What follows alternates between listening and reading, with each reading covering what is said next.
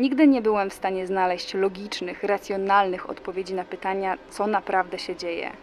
Jedyną sensowną odpowiedzią wydaje mi się to, że samochód został przeklęty. Przeklęty.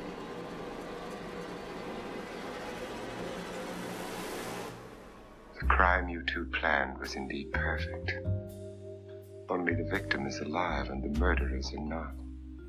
It's a pity you didn't know when you started your game of murder that I was playing too.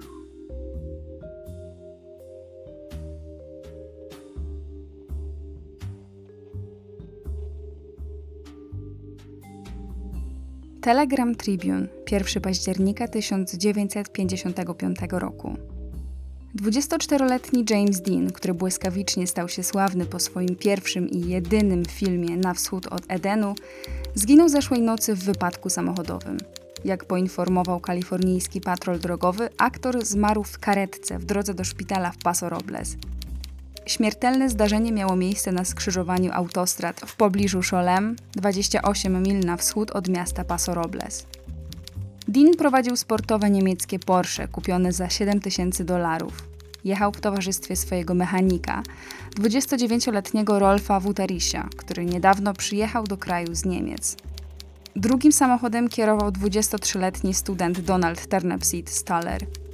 Dean doznał złamania kręgosłupa szyjnego i licznych obrażeń wewnętrznych. Jego ciało zostało wyciągnięte z rozbitego samochodu, a pasażer został wyrzucony z pojazdu tuż po uderzeniu. Jego obrażenia są poważne. Śmierć Jamesa Deana to chyba jedna z najsłynniejszych i najszerzej omawianych śmierci celebrytów. Jego postać przez te wszystkie lata urosła do miana ikonicznej. Jest wręcz y, znanym symbolem amerykańskiej popkultury. Nie mówiąc już o tym, że obok Marilyn Monroe czy Marlona Brando jest najważniejszym symbolem starego Hollywood. James Dean zginął tragicznie i to w dużej mierze właśnie ta jego tragiczna śmierć uczyniła go wiecznie żywym.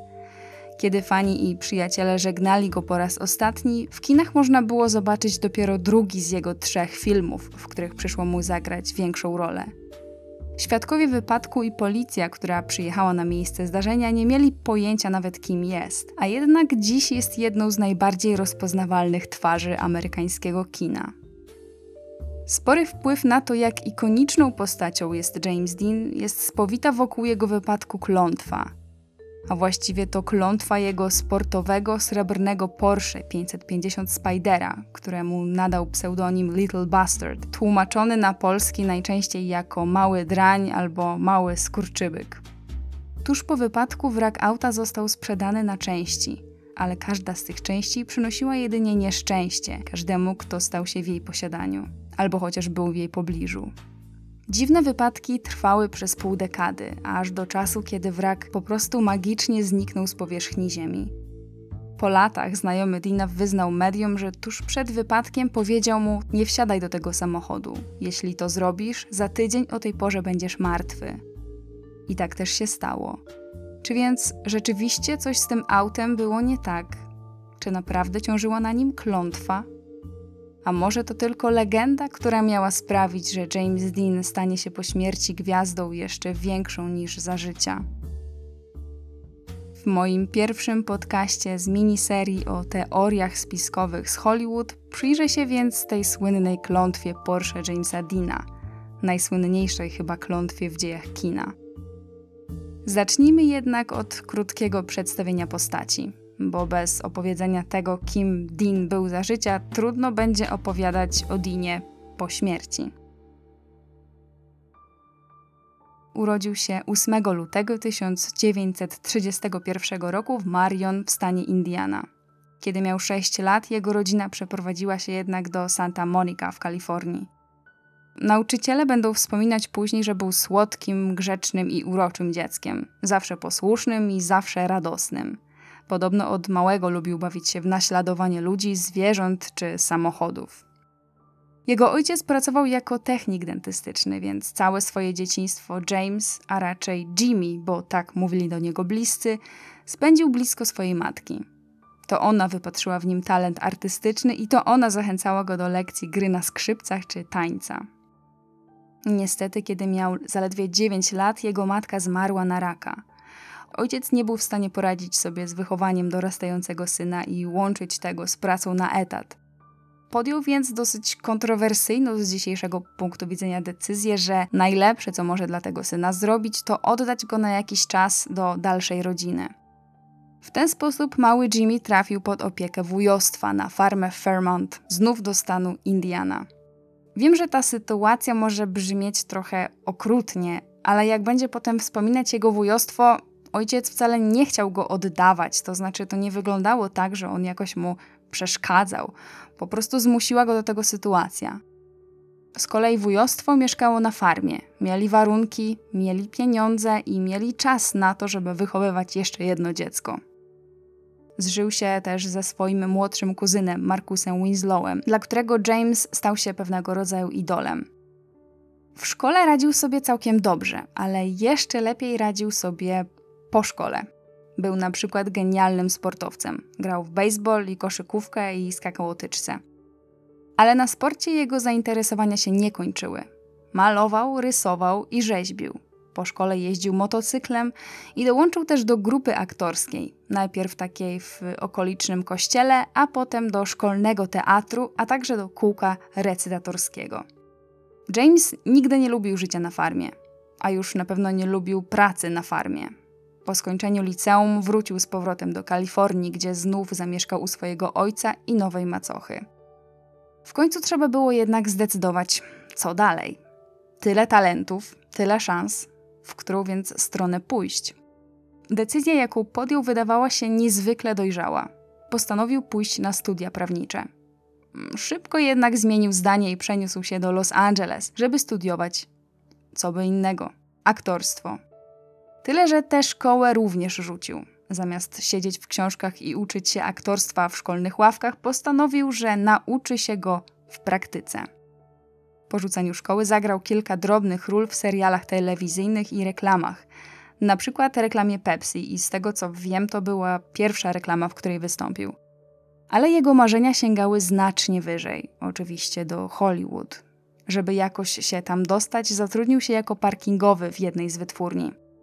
Plany podbicia rynku filmowego spełzły na niczym, bo James znowu zmienił zdanie i zainteresował się bliżej teatrem. W końcu za namową przyjaciół postanowił przenieść się do centrum teatru w Ameryce, czyli do Nowego Jorku. To właśnie w Nowym Jorku jego kariera nabrała prawdziwego rozpędu. Występował na Broadwayu, otrzymał nawet nagrodę dla najlepiej zapowiadającego się aktora. Został też przyjęty do prestiżowego Actors Studio, Actors Studio było takim znanym stowarzyszeniem dramatopisarzy, aktorów i reżyserów teatralnych. To nie była szkoła sensu stricte, a raczej takie warsztaty aktorskie. To, co je wyróżniało, to było takie dosyć nietypowe, nowatorskie podejście do zawodu. W Actors Studio uczyło się tak zwanej metody Stanisławskiego, która skupiała się na realizmie, to znaczy w olbrzymim skrócie aktor nie grał roli, aktor był rolą. Te same nauki otrzymali również chociażby Marlon Brando, Jane Fonda, Dustin Hoffman, Robert De Niro, Al Pacino czy Marilyn Monroe. Dziś James Dean jest jedną z czołowych postaci, które przychodzą na myśl, kiedy wspomina się o Actor Studio i graniu metodą. Od początku widać było, że chłopak ma wrodzony talent. On rzeczywiście nie musiał grać, on stawał się postaciami. W międzyczasie cały czas grywał w serialach i dorabiał sobie jako statysta. Ale dopiero wybitna rola w sztuce Immorlest utorowała mu drogę do Hollywood. Pierwszą poważną rolę filmową zagrał u Eli Kazana w filmie Na wschód od Edenu. Co ciekawe, rolę tę miał pierwotnie dostać wspomniany wcześniej Marlon Brando. Dopiero scenarzysta zasugerował reżyserowi, żeby spróbować obsadzić w tej roli wschodzący nowojorski talent, czyli Jamesa Dina, w ten oto sposób właściwie nikomu nieznany aktor dostał główną rolę w poważnym hollywoodzkim filmie poważnego hollywoodzkiego reżysera. Zdjęcia rozpoczęły się na początku 1954 roku. Okazało się, że przed kamerą chłopak radzi sobie jeszcze lepiej niż na deskach teatru. Był bardzo naturalny i sam proponował wiele scen, których nie było w scenariuszu, a które ostatecznie trafiły do filmu. Oczywiście nie wszyscy to lubili. Wielu ludzi ze świata filmu, szczególnie jego partnerzy na planie, nienawidzili tej jego spontaniczności, no bo sami musieli przez to improwizować. Ale James, jak to James, średnio się tym przejmował. Dzięki występowi w Na wschód od Edenu otrzymał propozycję kolejnej roli. Tym razem u reżysera Nicolasa Reya. Chodzi oczywiście o Buntownika bez powodu, chyba najsłynniejszy film z Jamesem Deanem w roli głównej. Zagrał tam u boku Natalie Wood i Salamineo. I tak nieszczęśliwie się złożyło, że cała trójka umarła, a raczej zginęła młodo. Zdecydowanie zbyt młodo. O Natalii mam nagrany podcast, więc serdecznie zapraszam do odsłuchania. O Salu mm, zapewne kiedyś jeszcze nagram. James wcielił się w Jima Starka, zbuntowanego nastolatka, który w swoich jeansach i czerwonej kurtce stał się symbolem amerykańskiego buntownika. Zanim jednak buntownik wszedł na ekrany kin, James miał już podpisany kontrakt ze studiem Warner Brothers i szykował się do zagrania swojej trzeciej roli. Tym razem był to film Olbrzym. Swoją drogą obydwa filmy wyszły na ekrany dopiero po jego śmierci. Olbrzym był kolejną wysokobudżetową produkcją, do której zaangażowano prawie niedoświadczonego aktora w jednej z trzech głównych ról. Wystąpił tam obok Rocka Hudsona i Elizabeth Taylor, z którą dosyć blisko się zaprzyjaźnił. Rola była o tyle ironiczna, że uwaga, spoiler dla wszystkich, którzy nie widzieli filmu, to proszę sobie przewinąć. Okej, okay, mam nadzieję, że ci, co chcieli, to sobie przewinęli. Rola w filmie Olbrzym była o tyle ironiczna, że postać grana przez Jamesa na samym końcu umiera. I właśnie tej ostatniej sceny nie zdążyli nakręcić. James naprawdę umarł, a scena została dokręcona po jego śmierci z udziałem dublera. Oczywiście historia Jamesa Dina związana z kinematografią jest bardzo szeroka i bardzo fascynująca, ale dzisiaj nie będę się skupiać na jego pasji do aktorstwa, a jego pasji motoryzacyjnej. James samochodami, a raczej samochodowymi wyścigami zaczął interesować się około 1954 roku. W listopadzie zamówił sobie swoje drugie sportowe auto, nowiutkiego Porsche 365 Super Speedstera. Kiedy w lutym 1955 roku, równo trzy dni po zakończeniu zdjęć do filmu Na wschód od Edenu, auto w końcu do niego dotarło, Przejechał tysiąc mil jeżdżąc wyłącznie w tą i z powrotem przez Mulholland Drive. No, krótko mówiąc, tak wyglądały jego przygotowania do pierwszych w życiu profesjonalnych wyścigów samochodowych, a dokładnie wyścigu Springs Road Races. Wyścig miał miejsce pod koniec marca, tuż przed rozpoczęciem zdjęć do buntownika bez powodu. Szybko okazało się, że to urodzony talent.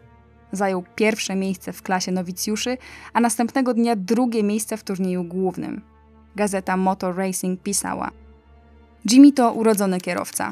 Kocha samochody i kocha prędkość. To nieprawdopodobne, żeby amator przejął kontrolę nad wyścigiem, ale Dean po prostu to zrobił. Nawet wyścigowi weterani zauważyli, że prowadzi Porsche jak profesjonalista, pomimo że posiadał to auto zaledwie od kilku tygodni. W gazecie pojawił się też krótki cytat samego zainteresowanego, poproszonego o komentarz. James powiedział tylko, tutaj cytuję, nie mogę w to uwierzyć. Jedyne co robiłem, to jeździłem sobie po Mulholland Drive. Kiedy kilka dni później rozpoczął pracę nad buntownikiem bez powodu, to cały plan zdjęciowy opowiadał o jego nowo odkrytym talencie. Właściwie to trudno było o tej nowinie nie usłyszeć. Zdjęcie jego uśmiechniętej twarzy trafiło na okładkę najnowszego numeru Motor Racing.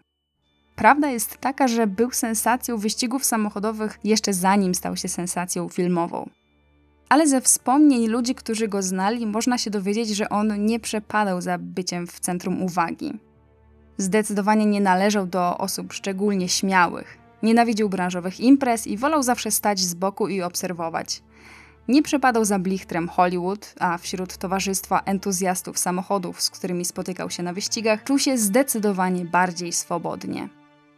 Znalazłam też informację, że kiedy Hollywood zaczęło szeptać o jego niezwykłym motoryzacyjnym zacięciu, to na jego wyścigach pojawiały się m.in. takie gwiazdy jak Clark Gable czy Gary Cooper.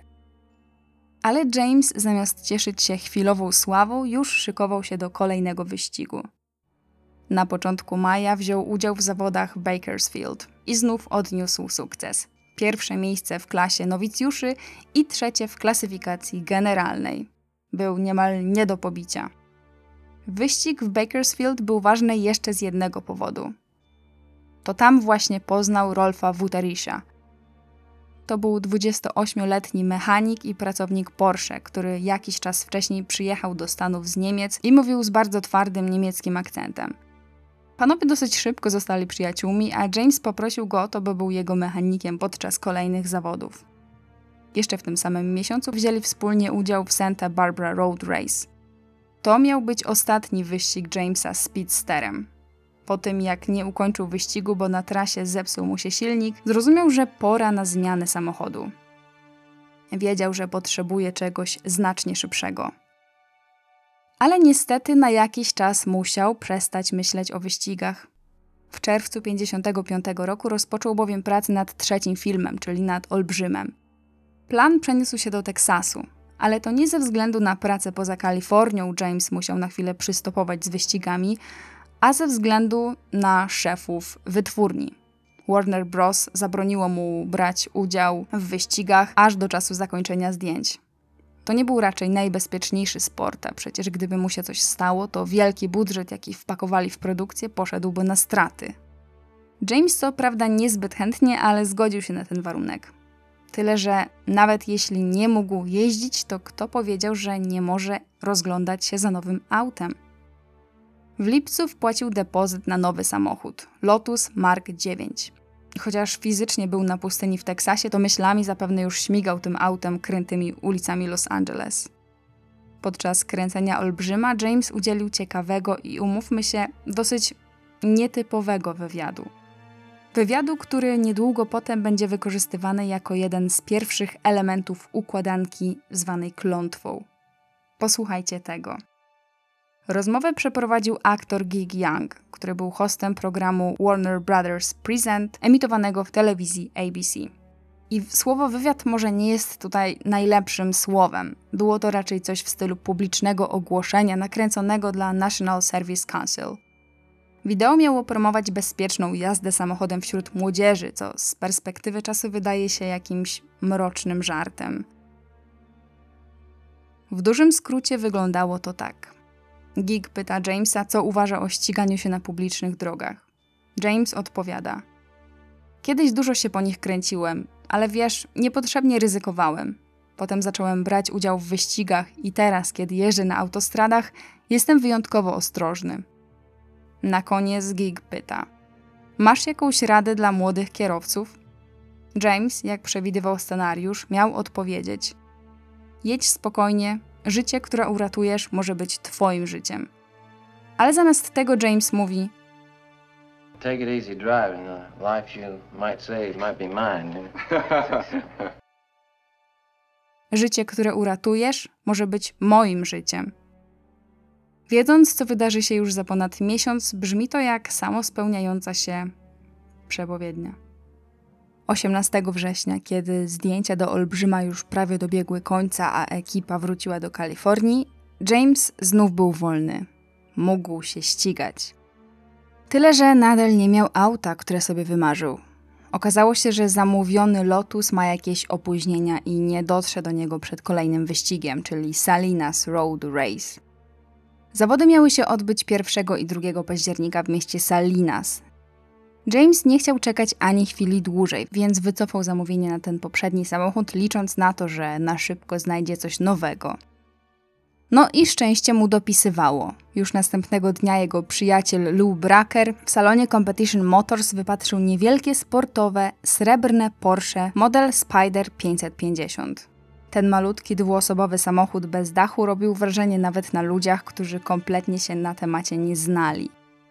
Zaledwie 550 kg i karoseria z aluminiowych blach mieściła w sobie silnik, dzięki któremu auto rozpędzało się do 225 km na godzinę. Fabryka Porsche zbudowała zaledwie 90 egzemplarzy tego modelu. Po przejażdżce testowej James poczuł, że to jest to. Znalazł swoje idealne auto. Samochód kosztował 7000 dolarów, co na dzisiejsze daje ponad 10 razy więcej. Żeby go kupić, musiał zapożyczyć się w wytwórni. Już sobie wyobrażam, z jak wielką chęcią dali mu pożyczkę na samochód, po to, by za kilka miesięcy pewnie znów zabronić mu jeździć. Właściciel Competition Motors zgodził się sprzedać Dinowi auto pod jednym warunkiem. Rolf Wutterich, mechanik Porsche, miał mu pomóc w przygotowaniu się do wyścigów, serwisować w razie problemów i brać z Jamesem udział w zawodach. Auto zyskało przydomek Little Bastard, czyli mały drań. Istnieją dwie wersje historii, skąd wzięła się ta nazwa. Według jednej z nich pseudonim nadał mu przyjaciel Dina, Bill Hickman, który miał z Jamesem jechać do Salinas. Według innej wersji, tej popularniejszej, autorem przydomka był sam prezes Warner Brothers, czyli Jack Warner. Miał tak podobno nazwać Jamesa po jednej ze sprzeczek na planie na wschód od Edenu. Nadanie Porsche pseudonimu Mały Drań było takim pstryczkiem w nos Warnera. Czymś w stylu możesz sobie gadać co chcesz, ale ja i tak będę się ścigał pomiędzy projektami filmowymi. Kiedy auto trafiło w ręce Jamesa, do wyścigu w Salinas pozostawał zaledwie ponad tydzień. Trochę mało czasu, żeby poznać i dotrzeć nowiutki samochód. Tym bardziej, że samochód musiał zostać wcześniej dokładnie obejrzany przez mechanika. No i po drugie, musiał zyskać nowy wygląd. Napis Little Bastard na tylnym zderzaku oraz wyścigowy numer 130 na drzwiach, masce i pokrywie silnika. James odebrał auto dopiero 28 września, na dwa dni przed wyjazdem do Salinas. Rolf, czyli ten mechanik i asystent Dina, zasugerował, żeby James spędził teraz jak najwięcej czasu na docieraniu nowego silnika i poznawaniu auta. Poza tym musieli jeszcze omówić strategię wyścigową. No i tak też zrobili. James znowu kręcił się w tą i z powrotem przez Mulholland Drive i inne ulice Los Angeles, tylko jednego dnia wyjeżdżając na prostej drodze prawie 500 kilometrów. 29 września odstawił samochód do Competition Motors, gdzie silnik miał całkiem wystygnąć, a Rolf miał ostatecznie przygotować auto do wyścigu. Początkowo mieli przewieźć je ciężarówką, ale Rolf stwierdził, że im dłużej James spędzi w nim czasu, tym dla niego lepiej. Plan na podróż do Salinas wyglądał więc tak. James i Rolf pojadą we dwóch małym draniem. Razem z nimi na wyścig jechali też przyjaciel Jamesa Bill Hickman oraz zaprzyjaźniony fotograf Sandy Roth. Sandy, który też interesował się samochodami, zaproponował, że potowarzyszy mu przy najbliższych wyścigach i zrobi fotoreportaż o wschodzącej gwieździe kina dla magazynu Collier. I to właśnie dzięki obecności Rota mamy dziś tak wiele zdjęć z tej ostatniej podróży Jamesa Dina. Tak naprawdę udokumentował godzina po godzinie ostatnie chwile jego życia. Hickman i Roth mieli holować pustą przyczepę. Po wyścigu planowali załadować Porsche na przyczepę i potem we czterech wrócić jednym samochodem do Los Angeles. 30 września około godziny 14 panowie byli w pełni gotowi, by wyruszyć w drogę do Salinas. Z kilkoma przystankami planowali być w Salinas około 9 wieczorem. Pół godziny później grupa zatrzymała się na stacji Mobile w Sherman Oaks. To wtedy powstało to kultowe, kolorowe zdjęcie Jamesa stojącego tuż obok swojego Porsche i zakładającego rękawiczki. O godzinie 15.30 James został zatrzymany przez drogówkę. Oficer O.T. Hunter odnotował przekroczenie prędkości o prawie 30 km na godzinę. I na chwilę zatrzymajmy się przy temacie prędkości samochodu. Teoretycznie ograniczenie prędkości na tych autostradach wynosiło 55 mil, czyli około 88 km na godzinę. Teoretycznie, bo praktycznie to mało kto przestrzegał tych ograniczeń na otwartych odcinkach. To była pustynia, wokół rozlegały się jedynie niewielkie wzgórza. Jak po latach będzie wspominał oficer Hunter, powiedział do Jamesa wtedy tak. Przepraszam, ale muszę ci wypisać mandat na 5 dolarów czyli około 50 dolarów na dzisiaj. I rzeczywiście zachowany do dzisiaj mandat pokazuje, że James Dean jechał 65 mil na godzinę, czyli 105 kilometrów. W późniejszych wywiadach Hunter powie tak. Nie powiedział do mnie nic negatywnego o przekroczeniu prędkości czy mandacie. Właściwie był rozbawiony. Chwilę rozmawialiśmy o jego Porsche i ogólnie o wyścigowych autach sportowych. Powiedział mi, że pracuje w Warner Bros., ale zupełnie nie skojarzyłem, że jest aktorem. W późniejszych doniesieniach na temat wypadku Jamesa pojawi się wiele sugestii, że ścigał się na autostradzie i to właśnie dlatego się zdarzył ten jego wypadek, o którym zaraz opowiem. Tyle, że według relacji znajomych, James był zazwyczaj dosyć grzecznym kierowcą i zazwyczaj stosował się do przepisów, szczególnie w obszarach zabudowanych. Jeśli chodzi o ten mandat, to słyszałam też teorię, że to nie sama prędkość samochodu wzbudziła zainteresowanie tego policjanta, a dźwięk, bo auto miało bardzo głośny tłumik. Co więcej, no nie da się ukryć, że niewielkie sportowe autko, które, nie wiem, sięgało do połowy uda, wzbudzało sensację na drodze. Świadkowie, którzy będą się potem wypowiadać do mediów, wspominali, że kiedy Porsche ich mijało, to przypominało bardziej szarą plamkę, aniżeli samochód. Około godziny 17 grupa zrobiła kolejny przystanek. Blackwell's Corner było stacją benzynową, mieszczącą się przy drodze 466. Tam spotkali dwóch znajomych, którzy tak samo jak oni byli właśnie w trasie na zawody do Salinas. Panowie umówili się, że spotkają się w sześciu w Paso Lobres i tam wspólnie zjedzą kolację. Niestety do kolacji nigdy nie doszło. Po wypadku Rolf opowie, że na stacji Blackwell's Corner wziął Jamesa na stronę i powiedział do niego, tutaj cytuję, nie szalej z prędkością. Jest spora różnica między speedsterem a spiderem. Najpierw poczuj drogę. Poza tym masz przed sobą większą karierę niż wyścigi.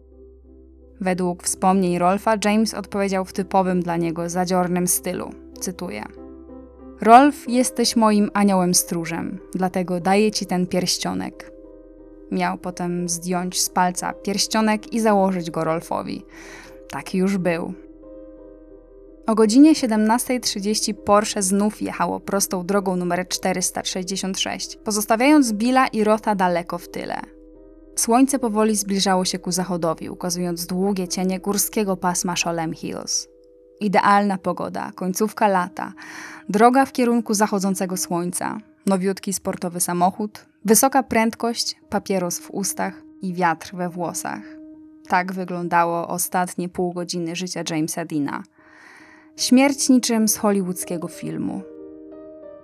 Do dziś nie wiadomo, ile miał na liczniku. Według niektórych świadków jechał co najmniej 130 km na godzinę. Około 17.45 na trasie pojawił się czarno-biały Ford jadący w przeciwną stronę. Jego kierowca chciał skręcić w lewo w drogę 41 kierującą w stronę Fresno. Ford zdążył już wjechać na linię środkową, rozpoczynając manewr. Dlaczego nie poczekał, aż nadjeżdżające z naprzeciwka srebrne Porsche go minie? Droga prosta miała pierwszeństwo, a według większości źródeł na skrzyżowaniu znajdował się znak stop.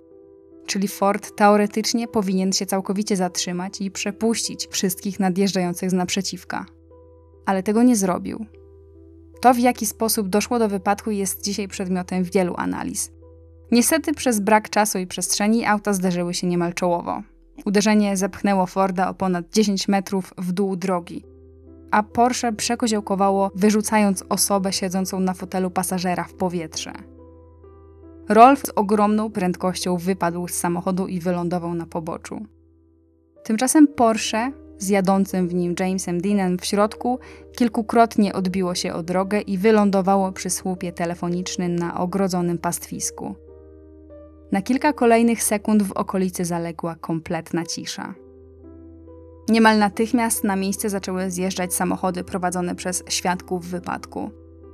Młody kierowca Forda o własnych siłach wydostał się z auta, trzymając się za zakrwawioną twarz. Okazał się nim 23-letni Donald Turnapseed, student, który właśnie jechał na weekend do domu. Robert White, który podróżował z żoną w tym samym kierunku co Dean, pojechał do najbliższej stacji paliw, by wezwać pomoc. Karetka pogotowia i policja przyjechały na miejsce już 10 minut po wypadku.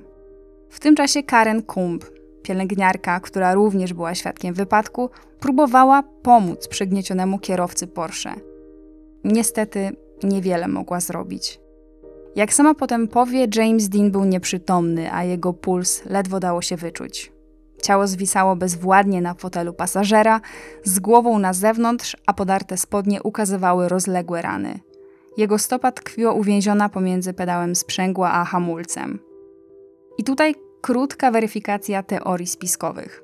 Ze względu na to, że leżał, a raczej wisiał na miejscu pasażera, to pojawiło się wiele spekulacji, które swoją drogą zapoczątkował jeden ze świadków wypadku, że James nie był kierowcą, a właśnie pasażerem. Z tego, co jednak mówią raport z sekcji zwłok i raport policyjny, to nie ma żadnych wątpliwości, że to on prowadził samochód. Po prostu uderzenie było tak duże i tak silne, że odrzuciło go na fotel obok. Obrażenia były ogromne. Miał złamany kark, obie ręce i szczękę, a także rozległe urazy wewnętrzne. Umierał i każdy ze świadków o tym wiedział. Około 18 na miejscu pojawili się policjanci z kalifornijskiego patrolu drogowego. Ernest Tripki i jego partner Ronald Nelson. Stopień uszkodzenia Porsche Spidera zszokował funkcjonariuszy. Cała lewa strona auta została doszczętnie zmiażdżona. Deska rozdzielcza i kierownica przesunęły się w prawo, sprawiając wrażenie, jakby auto miało kierownicę po prawej stronie. Bagażnik się otworzył. Tylna osłona samochodu się podniosła, odsłaniając silnik i nieuszkodzone tylne koła. Samochód właściwie nie przypominał samochodu, raczej zmiażdżoną masę srebrnego aluminium. Ogromną kulkę folii aluminiowej. Fotograf, czyli Sandy Roth, który jechał z Jamesem na wyścigi, porównał ten widok z kolei do zgniecionej paczki papierosów. Przez pierwsze 10 minut wszyscy traktowali to jak kolejny tragiczny wypadek drogowy. Zresztą nie pierwszy i nie ostatni na tej trasie. Nikt nie zdawał sobie sprawy, kim jest poszkodowany kierowca Porsche. Do czasu, kiedy na miejsce przybył właśnie Sandy Roth i Bill Hickman – dosłownie wypadli ze swojego samochodu i przebiegli na ulicę, krzycząc, że ofiarą jest przecież aktor James Dean. Tyle, że większość świadków nie miała nawet pojęcia, kim jest James Dean. Jedna z kobiet powiedziała później prasie, tutaj cytuję: Przeszło mi przez myśl, że chodzi o piosenkarza Jimmy'ego Deana. Nie wiedzieliśmy, kim był James Dean. Nie sądzę, żebyśmy kiedykolwiek wcześniej oglądali jego filmy. Trudno się kobiecie dziwić, bo tak naprawdę w momencie śmierci to do kin wszedł tylko jeden film z Jamesem Deanem. Jeszcze wciąż żyjący James został wyciągnięty ze zmiażdżonego samochodu. Zarówno on, jak i ledwie przytomny Rolf Wuterich zostali umieszczeni w tej samej karetce, która następnie ruszyła w kierunku oddalonego o 45 km szpitala w Paso Robles. Rolf miał złamaną rękę oraz urazy biodra i kości udowej, które wymagały natychmiastowej operacji. Z kolei Donald Turnapseed, czyli kierowca Forda, został lekko ranny. Miał tylko kilka siniaków na twarzy i jedną ranę na nosie. Badanie alkomatem nie wykazało alkoholu w jego oddechu. Był w stanie natychmiast złożyć zeznania. Jak zdarzenie wyglądało z jego perspektywy? Zeznał, że jechał prosto i właśnie szykował się do skrętu w lewo na drogę prowadzącą do Fresno. Podczas manewru zahamował, redukując prędkość. Rzeczywiście, sześciometrowy ślad na asfalcie potwierdzał jego zeznania. Tyle, że, jak mówił dalej, nagle, nie wiadomo skąd, nie wiadomo kiedy, z naprzeciwka pędziło w jego stronę srebrne sportowe Porsche. Dosłownie wyrosło mu spod ziemi. Cytuję. Nie widziałam tego Spidera. Słońce odbijało się od asfaltu, a Spider miał metaliczny srebrny kolor. Był też niski, szczególnie w porównaniu z moim Fordem. Chcąc uniknąć zderzenia, kierowca Forda znów dał po hamulcach. I faktycznie, na drodze był widoczny drugi, 30-metrowy ślad gwałtownego hamowania. Jego starania niestety poszły na marne. Porsche z całym impetem uderzyło w hamującego Forda. Czyżby to była więc całkowita wina kierowcy srebrnego Porsche Spidera? John White, czyli mężczyzna, który zawiadomił funkcjonariuszy, zeznał, że dokładnie widział moment zderzenia. Powiedział policji, że on i jego żona jechali sedanem Pontiac na zachód trasą 466, dokładnie w tę samą stronę co Dean. Od razu zwrócili uwagę na srebrne Porsche, bo 30 sekund przed wypadkiem auto ich wyprzedziło. Cytuję. To był prosty odcinek drogi.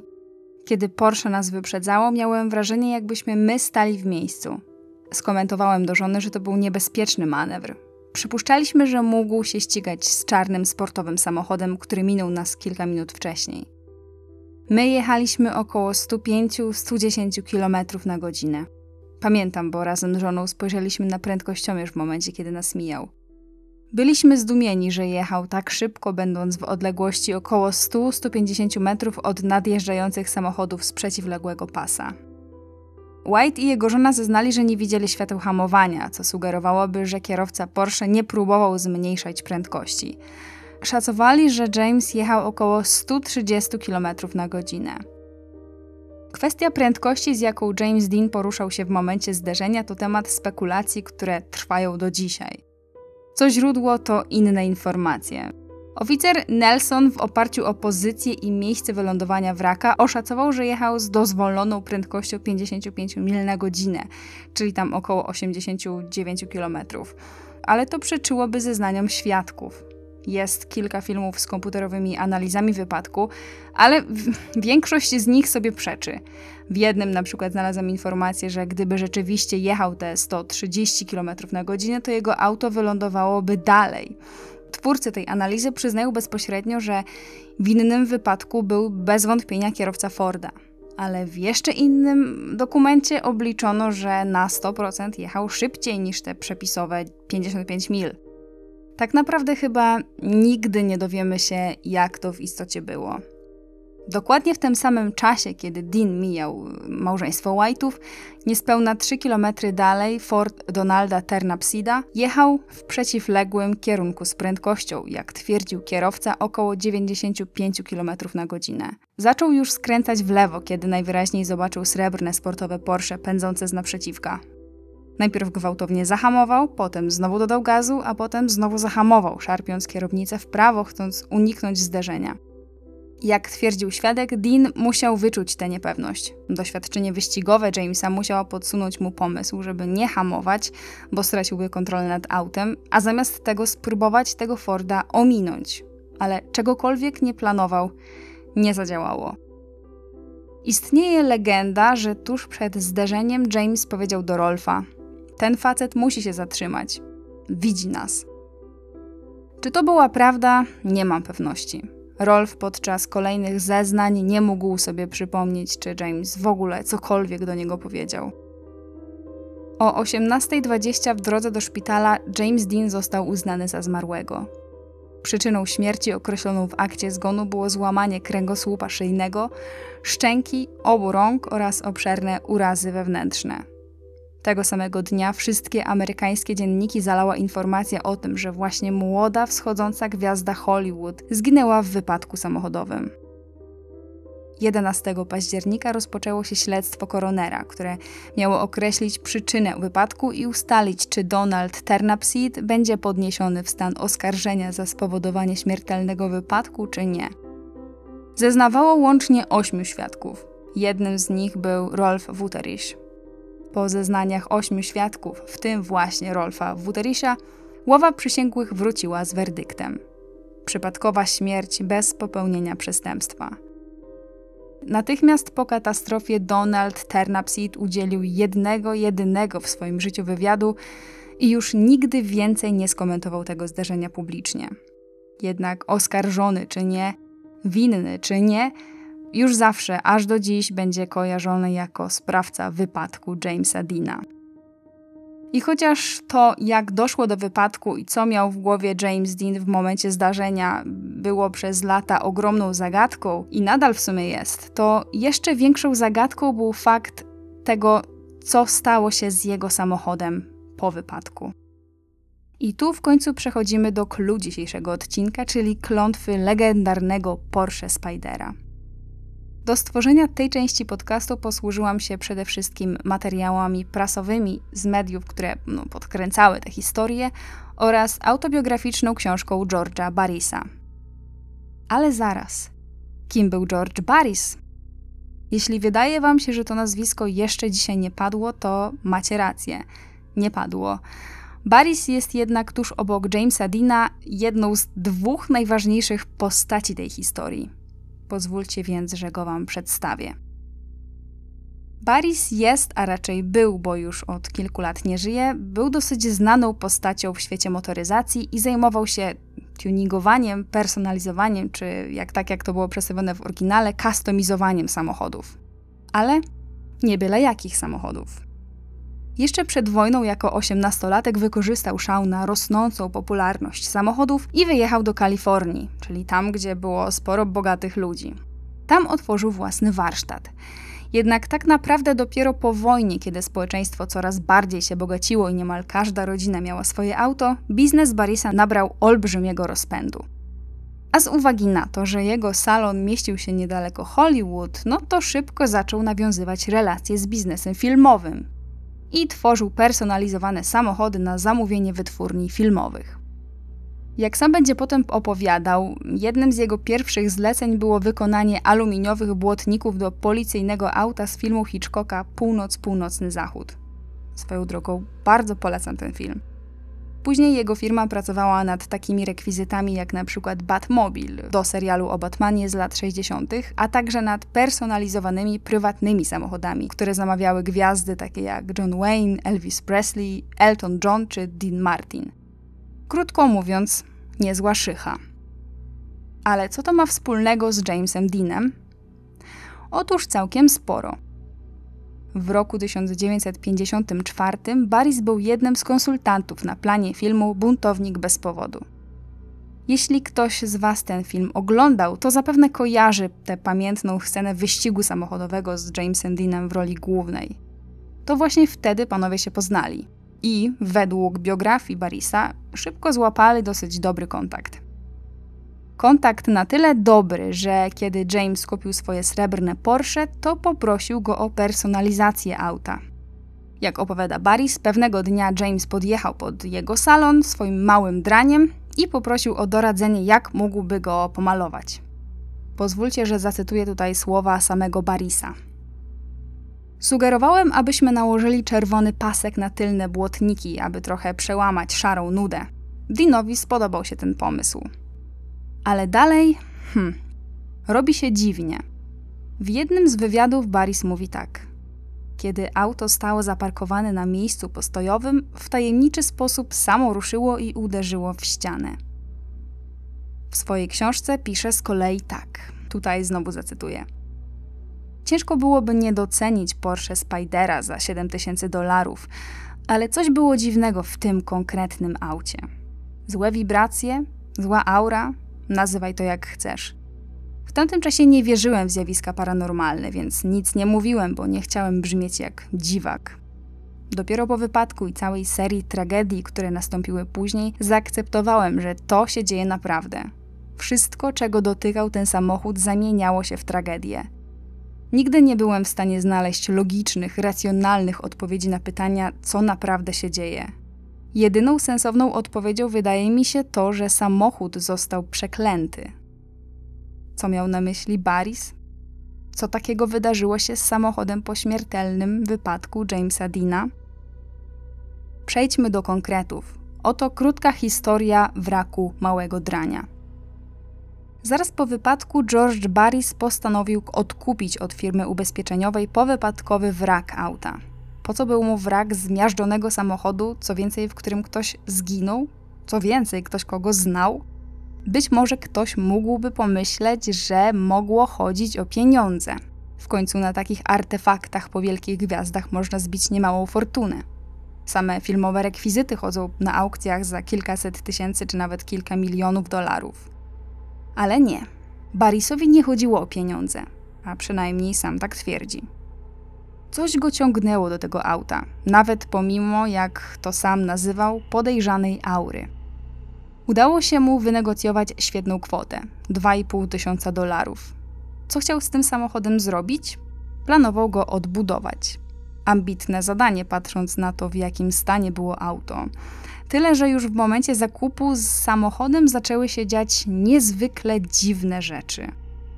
Po długiej podróży Spidera do salonu Barisa w Kalifornii, zespół jego mechaników rozpoczął rozładowywanie wraku z ciężarówki. No i nagle, nie wiadomo jak, jeden z mechaników poślizgnął się i upadł, łamiąc sobie przy tym obie nogi. Przypadek? Być może tak. Baris też tak z początku myślał. No, przy takiej robocie nie jeden wypadek ma prawo się zdarzyć. Zresztą nie miał zbyt dużo czasu, żeby się nad tym przesadnie zastanawiać, bo miał kolejny, znacznie poważniejszy problem. Okazało się, że odbudowanie tak zniszczonego samochodu nie miało najmniejszych szans na powodzenie. Kilku ekspertów spojrzało na wrak fachowym okiem i stwierdziło, że nie no, auto jest w takim stanie, że nadaje się tylko na złom. No chyba, że rozłoży się go na części, wyjmie to, co jeszcze w miarę działa i to sprzeda. Tak też Baris zrobił. Rozłożył auto na części, zostawiając sobie jedynie zmiażdżoną srebrną karoserię. W taki oto sposób nieuszkodzony silnik i układ napędowy małego drania trafiły w ręce niejakiego doktora Esherida, który podobnie jak James był wielbicielem wyścigów. I tutaj moja uwaga. Baris w swojej książce podaje nazwisko tego człowieka błędnie. Mężczyzna w rzeczywistości nie nazywał się Reed, a Ash Rich, a dokładnie William Ash Rich, chirurg z Burbank i członek klubu California Sports Car Club. Ash Rich doskonale wiedział, do kogo należał silnik i układ napędowy, które kupuje. Co więcej, poniekąd sam znał Jamesa Dina. Może nie osobiście, ale brał udział w dokładnie tych samych trzech wyścigach co James. W 1956 roku Ashridge zainstalował zakupiony od Barisa silnik małego drania w swoim samochodzie. I tak przerobionym autem wziął udział w siedmiu imprezach organizowanych przez California Sports Car Club. Ósma impreza okazała się jednak mniej szczęśliwa. 21 października 1956 roku podczas Pomona Road Races Ashridge i jego samochód napędzony silnikiem małego drania miał wypadek. Jedno z aut uderzyło w tył jego samochodu, odbiło się od pobocza, a potem wróciło na tor tyłem. Auta obróciły się przodem do siebie, powodując sporo uszkodzeń. Ostatecznie żadnemu z kierowców nic się nie stało, ale Ashridge nie był w stanie ukończyć wyścigu.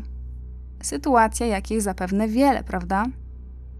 No, prawie, bo to nie koniec tej historii.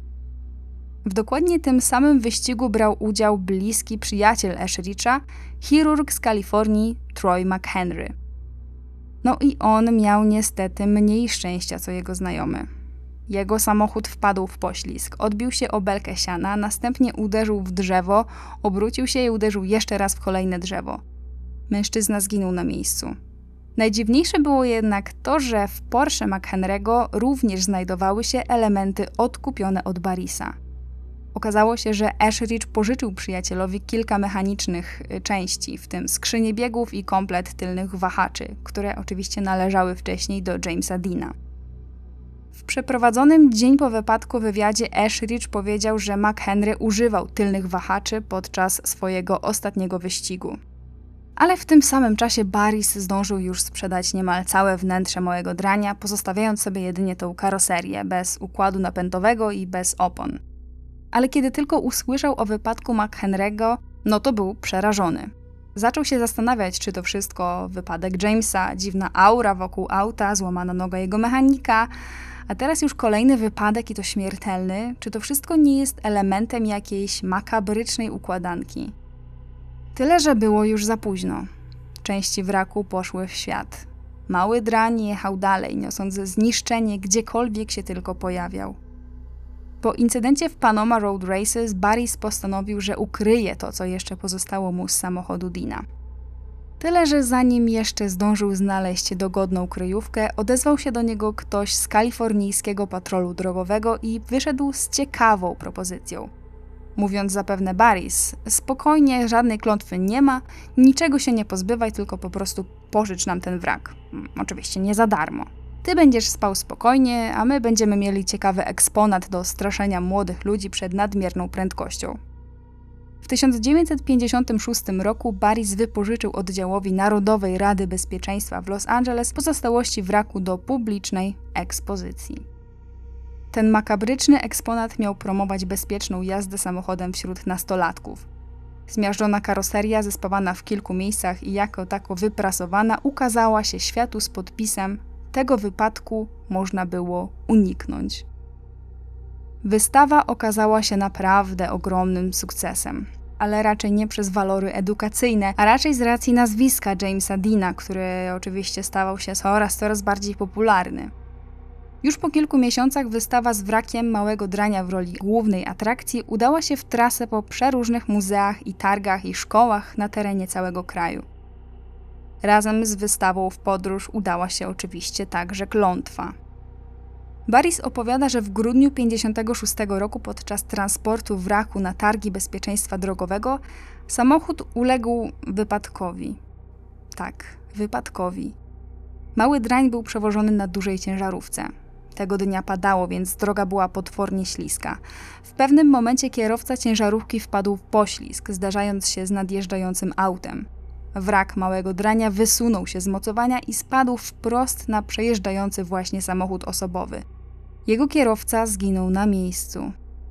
Niektóre źródła podają, że ofiarą był pracownik publiczny o nazwisku George Barhus, niekiedy zapisywany także przez K jako George Barkius. Kierowca osobówki nie przeżył, ale wrak małego drania oczywiście tak. Jechał dalej na śmiercionośną trasę, która trwała w najlepsze aż do roku 1959. W 1959 roku we Fresno wydarzył się kolejny przedziwny wypadek z wrakiem Porsche w roli głównej. 12 maja kalifornijska gazeta The Fresno Bee donosiła. W nocy z 11 na 12 maja w garażu przy Hamilton Avenue miał miejsce pożar. Zapalił się wrak auta Porsche Spider należący niegdyś do Jamesa Dina. Samochód, w którym aktor doznał śmiertelnego zderzenia czołowego, był w garażu przechowywany tymczasowo, oczekując na pokaz jako eksponat podczas zbliżającego się pokazu samochodów sportowych. Odniósł wyjątkowo niewielkie uszkodzenia dwie stopione opony i nieco przypalonej farby. Na szczęście ogień nie rozprzestrzenił się na inne pojazdy w magazynie. Nikt nie został ranny. Przyczyna pożaru jest nieznana.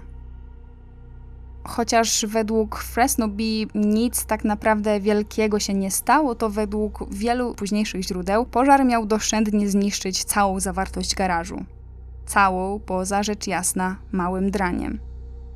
Brzmi to co najmniej podejrzanie. Najdziwniejszy w tej historii jest jednak fakt, że te dwie stopione opony, o których była mowa w gazecie, nie były tymi oponami, które należały do oryginalnego Spidera. I tutaj ciekawostka, podczas wypadku Jamesa Dina rzeczywiście ocalały dwie opony. Barry stwierdził, że kupił je razem z wrakiem. Co więc się z nimi stało? No, podobnie jak silnik i wiele innych części, po prostu zostały przez Barisa sprzedane. I dzięki tym kołom legenda o przeklętym aucie nabiera coraz większego rozpędu. Krótko po sprzedaniu ich nieznanemu mężczyźnie opony po prostu wybuchły w trakcie jazdy z niewyjaśnionych przyczyn – obydwie naraz. Kierowca prowadzący pojazd zginął na miejscu. To była już trzecia, a przynajmniej trzecia znana ofiara przeklętego małego drania. Wróćmy jednak do samego wraku. Po pożarze we Fresno objazdowa wystawa małego drania trwała w najlepsze. We wrześniu 1959 roku trafiła jako eksponat do lobby kina Paramount Theatre w Hollywood. W internecie można znaleźć nawet zdjęcia tego, jak wrak wyglądał w tamtym czasie. Krótko mówiąc, nie wyglądał za dobrze. Był pozbawiony przedniej części łącznie z kołami. Wgnieciona blacha od strony kierowcy została zastąpiona aluminiową powłoką, która miała nadawać całości jako tako wygląd i kształt samochodu. Ale nawet w takim stanie samochód potrafił siać zniszczenia. Mówiło się, że pewnego dnia tak po prostu wysunął się z mocowań, spadł z wystawy na jednego z przechodniów i złamał mu biodro. Według niektórych źródeł był to licealista, według innych była to starsza kobieta. Według jeszcze innych źródeł ten wypadek nie miał miejsca w Hollywood, a w Sacramento. Te historie rozprzestrzeniały się tak szybko i tak chaotycznie, że trudno było dojść do tego, która z wersji jest tą prawdziwą wersją. W 2008 roku Baris opowiedział w wywiadzie kolejną makabryczną historię. Pewnego razu skontaktował się z nim nieznany mężczyzna, który przyznał mu się, że uwaga, uwaga, ukradł kiedyś kawałek przeklętego samochodu. No, ukradł, to ukradł. No więc po co dzwonił? I to akurat do Barisa. Pozwólcie, że zacytuję samego Barisa. Powiedział do mnie: Muszę odesłać ci ten kawałek metalu. Proszę, zabierz go ode mnie. Odkąd go mam, wszystko idzie w moim życiu nie tak. Straciłem pracę, straciłem żonę, straciłem dziecko, straciłem dom, zachorowałem i właśnie jestem w szpitalu i umieram. Według Barisa złodziei napalonych na wrak Jamesa Dina było jednak znacznie więcej. Pewnego razu jakiś złodziejaszek, albo jak mówią inne źródła, dwóch złodziejaszków chciało ukraść z auta kierownicę – Podczas próby jej odkręcenia jeden z mężczyzn podobno złamał rękę. W ciągu trzech lat właściwie prawie każda z części auta przynosiła mniejszą lub większą szkodę jego nabywcy. Trwało to aż do roku 1960, bo w 1960 wszystkie te dziwne zdarzenia, wypadki i śmierci powiązane z samochodem Jamesa Dina całkowicie ustały. Nagle I wcale nie dlatego, że ktoś zdjął z niego klątwę, a dlatego, że samochód wyparował. Porsche podróżowało właśnie z Miami do Los Angeles. Solidnie zapieczętowane, wracało ciężarówką z wystawy bezpieczeństwa ruchu drogowego na Florydzie. Kiedy jednak ciężarówka dotarła na miejsce i Baris ją otworzył, okazało się, że auta nie ma. Zniknęło. Tak po prostu. Ciężarówka była całkiem pusta, a na podłodze leżała jedynie kopia dowodu rejestracyjnego samochodu. No to Baris przepytał wszystkie osoby, które brały udział w załadunku wraku i wszyscy powiedzieli to samo. Auto z pewnością znajdowało się w środku, kiedy ciężarówka opuszczała Miami. Ale Baris nie odpuszczał. Zatrudnił nawet prywatnego detektywa, znanego J.J. Armsa, który przez kilka miesięcy poszukiwał zaginionego samochodu. Niestety bez skutków. Detektyw stwierdził, że auto musiało zostać skradzione na Florydzie, a nie z ciężarówki, bo nie ma absolutnie żadnych śladów włamania. Ale pracownicy Barisa zarzekali się, że auto zostało zapakowane do ciężarówki. Wyglądało to tak, jakby samochód w jakiś magiczny sposób zniknął nie tylko z samej ciężarówki, ale w ogóle z powierzchni Ziemi. Od czasu tajemniczego zaginięcia historie o przeklętym Porsche Spiderze były wielokrotnie powtarzane przez ludzi, mielone przez gazety i co jakiś czas przekręcane.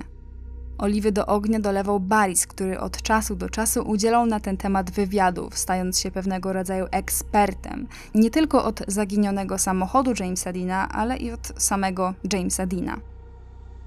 Ale prawdziwy szok nadszedł w roku 1977. W 1977 roku brytyjski aktor Alec Guinness wystąpił w talk show Michaela Parkinsona.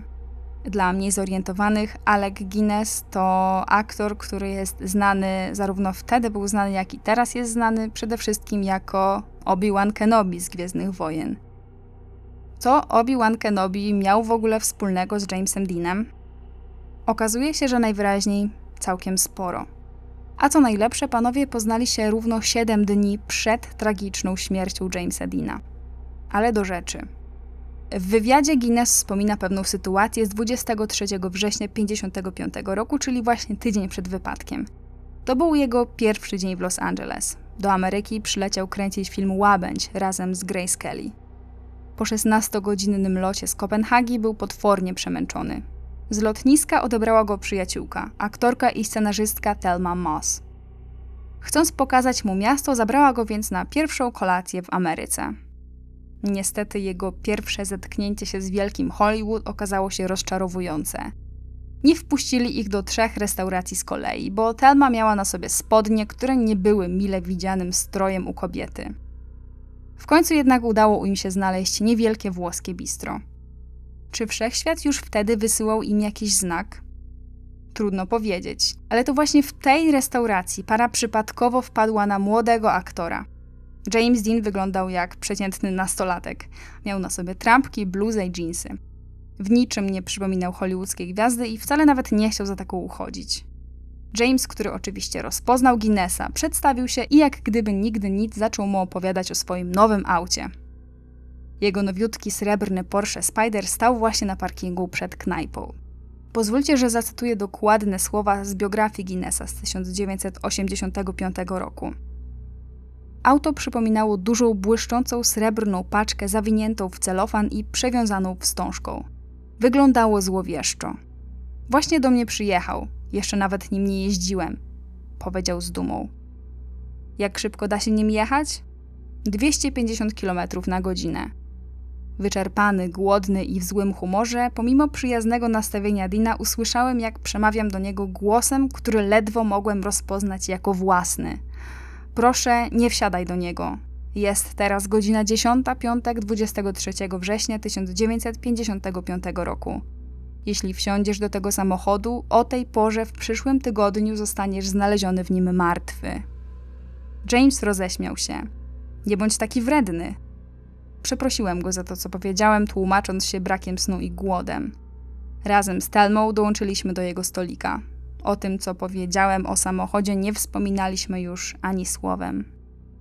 Równo tydzień później, o czwartej po południu, James Dean nie żył, zabity podczas prowadzenia srebrnego samochodu. Cóż, Brzmi to co najmniej podejrzanie. Z ciekawości zaczęłam się bardziej wgłębiać w biografię Guinnessa. Okazuje się, że Alec Guinness poza świetnymi rolami to generalnie była bardzo ciekawa postać.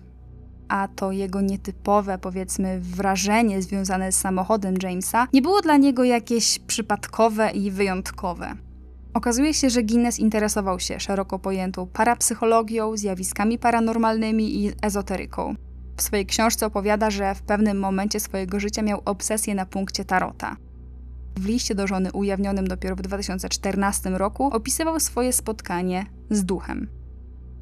Z kolei Thelma Mass, czyli ta przyjaciółka, która towarzyszyła y, Guinnessowi podczas kolacji, była nie tylko aktorką, ale też psycholożką i parapsycholożką. Twierdziła, że potrafi odczytywać ludzką aurę, po skończeniu studiów zajęła się badaniami nad fotografą kirlianowską, wierząc, że za jej pomocą można zarejestrować ciała astralne. Trudno mi jednak powiedzieć, czy w latach 50. była już jakkolwiek zainteresowana tym tematem. W kilku źródłach pojawiła się też informacja, że Ursula Andres, czyli ówczesna chyba już była dziewczyna Jamesa, także miała mu powiedzieć podobno, żeby nie jeździł Spiderem. To są już dwie osoby, które miały jakieś dziwne przeczucia związane z samochodem. Czy więc było coś na rzeczy? Czy może rzeczywiście Alec Guinness i Ursula Andres poczuli coś, co nakazało im ostrzec Jamesa, żeby nie wsiadał do swojego samochodu? Czy naprawdę jakaś trudna do logicznego wyjaśnienia klątwa małego drania istniała, Oczywiście przez te wszystkie lata postać Jamesa Deana urosła do miana legendy, ikony popkultury amerykańskiej, idola buntowników, legendy Hollywood i legendy aktorstwa. A tam, gdzie takie wielkie postaci, to tam jeszcze więcej pisarzy, dziennikarzy i biografów, którzy będą chętni prześledzić każdy szczegół z życia i śmierci takiej gwiazdy. No i dokładnie tak się stało w przypadku Jamesa Deana. Autorzy zarówno biografii, jak i filmów dokumentalnych na jego temat nie umieszkali oczywiście głęboko przeanalizować także klątwy Porsche, w którym doszło do tragicznego wypadku. Klątwę analizowało naprawdę wielu pisarzy. Już pomijając ich nazwiska, to takim najbardziej znanym biografem Jamesa Deana jest Lee Raskin – Napisał na temat Gwiazdora mm, chyba około czterech książek, w tym dwie skupione wyłącznie na okolicznościach śmierci aktora oraz historii związanych z przeklętym rzekomo Porsche Spiderem. Ile więc te wszystkie wydarzenia powiązane z klątwą miały wspólnego z rzeczywistością? Zacznijmy od momentu, w którym po raz pierwszy publicznie pojawiły się jakiekolwiek wzmianki o tym, że coś dziwnego może być faktycznie na rzeczy czyli do wypadku Troja McHenry'ego podczas wyścigów w 1956 roku, rok po śmierci Jamesa Deana. 24 października dziennik Spokane Daily Chronicle opublikował sensacyjną informację, że podczas śmiertelnego wypadku Troja McHenry'ego mężczyzna jechał autem, w którym zamontował kilka części małego drania. Oczywiście nie pada tam słowo klątwa. Jest to podane bardziej w formie takiej mrocznej ciekawostki. Dziennikarz poprosił nawet o komentarz Williama Ashricha, czyli tego lekarza, który odkupił od Barisa kilka części, a potem pożyczył je McHenry'emu. A dokładnie to zapytał go o to, czy nie jest przypadkiem przesądny. To znaczy, zapewne, czy nie obawiał się kupować części auta, w którym wcześniej ktoś zginął. Ashrich odpowiedział tylko: Nie, wcale. Podkreślił też, że odbył wcześniej 7 wyścigów używając silnika małego drania i nigdy nic mu się nie stało. No dobrze, skoro w takim razie to niesceptyczny i najwyraźniej mało przesądny Ashridge wypuścił w świat informacje o klątwie, no to kto to zrobił? I znów wracamy tutaj do George'a Barrisa, bo w tej historii wszystkie drogi prowadzą do George'a Barrisa. Ale tutaj musimy się na chwilę cofnąć w czasie. Jeszcze przed śmiertelnym wypadkiem McHenry'ego. Musimy się cofnąć do historii tego, jak i dlaczego George Barris w ogóle zainteresował się wrakiem małego drania.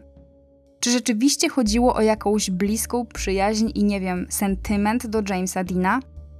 Jak sam twierdził, poznał Jamesa Dina na planie buntownika bez powodu.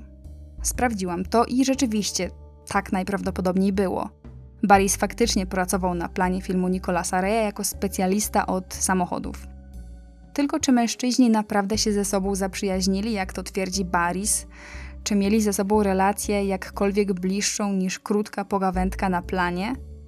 nie ma absolutnie żadnych przesłanek ku temu, żeby uznać, że tak było naprawdę.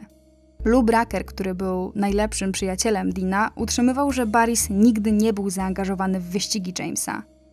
James nigdy też o nim nie wspominał. A przecież umówmy się, w ciągu ostatniego roku dosłownie żył wyścigami.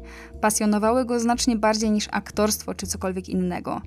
Historia Aleka Guinnessa i pokazywania auta na środku parkingu pod knajpą tylko potwierdza, że zapewne wszystkim w kółko gadał na jeden i ten sam temat. Gdyby rzeczywiście on i Baris byli przyjaciółmi, albo chociaż dobra, bliskimi znajomymi, to raczej z pewnością dołączyłby do grupy, z którą James jeździł na zawody. Co więcej, 30 września pewnie jechałby z nimi do Salinas. I podkreślam, to nie są moje słowa, to są słowa Brakera, który był jedną z najbliższych dla Jamesa osób. Ale to nie koniec. Baris utrzymywał, że to on sam własnoręcznie namalował czerwone pasy na tylnych błotnikach oraz numer 130 na nowiutkim Porsche Spiderze. Ten fakt również sprawdziłam i jest to nieprawda. W rzeczywistości Spiderem zajmował się niejaki Dean Jeffries, który w 1955 roku miał własną lakiernię zlokalizowaną tuż obok warsztatu Barisa. Co więcej, są na to niezbite dowody. Dean Jeffries pozostawił sobie bowiem kartkę, na której James własnoręcznie narysował mu szkic, jaką czcionką ma być namalowany napis Little Bastard. To także Jeffries namalował numer wyścigowy 130, a z kolei czerwone pasy na błotnikach były malowane fabrycznie na wszystkich Spiderach jako identyfikator wyścigowy. Nie mógł ich więc namalować ani Jeffries, ani tym bardziej George Barris, co sobie początkowo przypisywał. No to naturalnie pojawiały się głosy, że być może w takim razie Jeffries po prostu współpracował z Barrisem i dlatego ten przypisuje sobie teraz jego zasługi. No nie do końca. Według śledztwa Lira Skina, czyli tego biografa Dina, Jeffries nigdy nie pracował ani dla Barisa, ani z Barisem. A już na pewno nie we wrześniu 1955 roku. Wbrew temu, co możemy przeczytać w niektórych źródłach, Baris nigdy w żaden sposób nie był powiązany z personalizowaniem Porsche Spidera. Prawdopodobnie przed wypadkiem Jamesa Dina nawet nigdy nie widział go na żywo. Ale idźmy dalej. Skoro Baris nie do końca mówił prawdę na temat jego znajomości z Jamesem i nie do końca mówił też prawdę na temat jego udziału w malowaniu tego auta, to może chociaż historia o zakupie wraku jest prawdziwa. No nie do końca. Przypominam, że on twierdził, że wszedł w posiadanie samochodu niemal od razu po wypadku. Pisał, że kupił wrak za 2,5 tysiąca dolarów bezpośrednio od firmy ubezpieczeniowej. Prawda była zgoła inna i można było ją łatwo udowodnić. To aż dziwne, że Baris postanowił brnąć w kłamstwa. Otóż dzień po wypadku Dina, właściciel Competition Motors zaaranżował dla rozbitego auta transport. Spider został przewieziony do siedziby firmy w Hollywood. I potem rzeczywiście stało się tak, jak twierdził Baris. Porsche przejęła firma ubezpieczeniowa, ale wcale nie sprzedała go jemu. W rzeczywistości przechowywała auto przez jakiś czas w tymczasowym magazynie, a stamtąd powędrowało na złomowisko w Burbank. No dobra, czyli to tam kupił je Baris. Otóż nadal nie. 17 listopada 1955 roku Porsche Spider Jamesa Dina w całości kupił doktor William Ashridge, płacąc za nie 1000 dolarów. A Baris twierdził przecież, że Ashridge kupił od niego jedynie kilka części samochodu, przekręcając jeszcze w ogóle jego nazwisko. W rzeczywistości było całkiem odwrotnie, ale o tym zaraz. W krótkim wywiadzie z 1956 roku William Ashridge powiedział, tutaj cytuję: Kupiłem ten wrak ze względu na silnik i było warto. Co więc w takim razie z historią o wyścigu, w którym Ashridge uległ stłuczce, a jego przyjaciel Troy McHenry stracił życie? Ta historia jest akurat prawdziwa. Ale wydaje się, że była mniej podejrzana niż mogłoby się to początkowo wydawać. Rzeczywiście Ashridge zainstalował silnik małego drania we własnym Lotusie. I rzeczywiście Lotusem z napędem Porsche nazwanym Potusem ścigał się na siedmiu imprezach w 1956 roku. I jedną z tych imprez naprawdę były zawody w Pomona. I naprawdę uległ wtedy drobnej kolizji przy udziale innego zawodnika. Ale to nie koniec. Faktycznie pożyczył kilka mechanicznych części wraku małego drania przyjacielowi Trojowi McHenry'emu, w tym skrzynię biegów i komplet tylnych wahaczy. I naprawdę McHenry zginął w tragicznym wypadku na trasie. Ale jak do tego doszło? Magazyn Motor Racing relacjonował. Wypadek zdarzył się na trzecim okrążeniu, kiedy McHenry jechał na trzeciej pozycji. Zasygnalizował swojej załodze, że coś jest nie tak z układem kierowniczym. W pewnym momencie stracił kontrolę nad pojazdem i wpadł na drzewo. Zginął natychmiast. Sądzono, że dostał ataku serca, bo nawet nie próbował się ratować podczas wpadania w poślizg. Lekarz, który udzielał mu pomocy, powiedział, że zmarł z powodu obrażeń odniesionych w wypadku. Doznał poważnych urazów szyi i klatki piersiowej. Okazuje się, że miesiąc wcześniej McHenry miał stłuczkę, która nieźle powyginała jego samochód. Przed udziałem w zawodach w Pomona musiał dokonać licznych napraw, w tym wymienić uszkodzony mechanizm kierowniczy. Jeden ze świadków wypadku relacjonował, że widział McHenry'ego podczas imprezy w Pomona, jak regulował układ kierowniczy po wstępnym wyścigu dzień przed śmiercią. Lee Raskin po latach napisał w swojej książce, że nie ma wątpliwości, że wypadek McHenry'ego był wynikiem niedokręcenia śrub w mechanizmie kierowniczym. Nie miało to żadnego związku z częściami od Porsche Spydera Jamesa Deana. No więc klątwa czy zwykły błąd techniczny? Nie wiadomo kiedy dokładnie George Barris odkupił wrak małego drania od Ashricha. Pewne jest jednak jedno. Nie kupił, jak twierdził, całego samochodu. Kupił jedynie karoserię, bez silnika, bez układu napędowego, bez jakichkolwiek części mechanicznych czy nawet kół. Nie mógł więc sprzedać nikomu żadnych części samochodu, bo po prostu nigdy ich nie miał. Aktualnie silnik Porsche Jamesa Deana pozostaje w posiadaniu syna doktora Ashricha. I tu jeszcze jedna mroczna ciekawostka. Poza silnikiem znamy jeszcze miejsce przechowywania oryginalnej skrzyni biegów małego drania. Przez lata przechodziła z rąk do rąk. Od 1990 roku była w posiadaniu konserwatora Porsche Jacka Stylesa. Obejrzałam z nim wywiad i on mówi, że absolutnie nie wierzy w klątwę. Natomiast, co ciekawe, w 2020 roku skrzynię biegów kupił, a raczej wylicytował za prawie 400 tysięcy dolarów niejaki Zach Bagans. Kim jest Zach Bagans? Głównym gospodarzem telewizyjnej serii Ghost Adventures i właścicielem nawiedzonego muzeum w Las Vegas, który siebie sam opisuje jako pionier w dziedzinie zjawisk paranormalnych. Z pewnością nawiedzona skrzynia biegów nawiedzonego Porsche będzie pasowała jak ulał do jego nawiedzonego muzeum. Ale idźmy dalej z historiami przedstawionymi przez George'a Barrisa. Pamiętacie wypadek ciężarówki, która przewoziła wrak samochodu? Ten, w którym zginął tajemniczy mężczyzna o nazwisku Barkius? Otóż autor jednej z biografii Jamesa Deana dokładnie przeszukał rejestry stanowe z tamtego okresu i nie znalazł żadnej informacji o śmiertelnym wypadku, którego ofiarą miałby być George Barhius przez H lub też George Barkius przez K. Według niego Barris wymyślił tę historię na szybko, a jedyne nazwisko, jakie przyszło mu do głowy, dziwnym trafem przypominało jego własne nazwisko. Ale po co to zrobił? Najpewniej po to, żeby jeszcze bardziej nakręcić zainteresowanie klątwą. Wielu biografów niejednokrotnie próbowało się skontaktować z Barisem, żeby jakoś zweryfikować te podejrzane wydarzenia powiązane z małym draniem.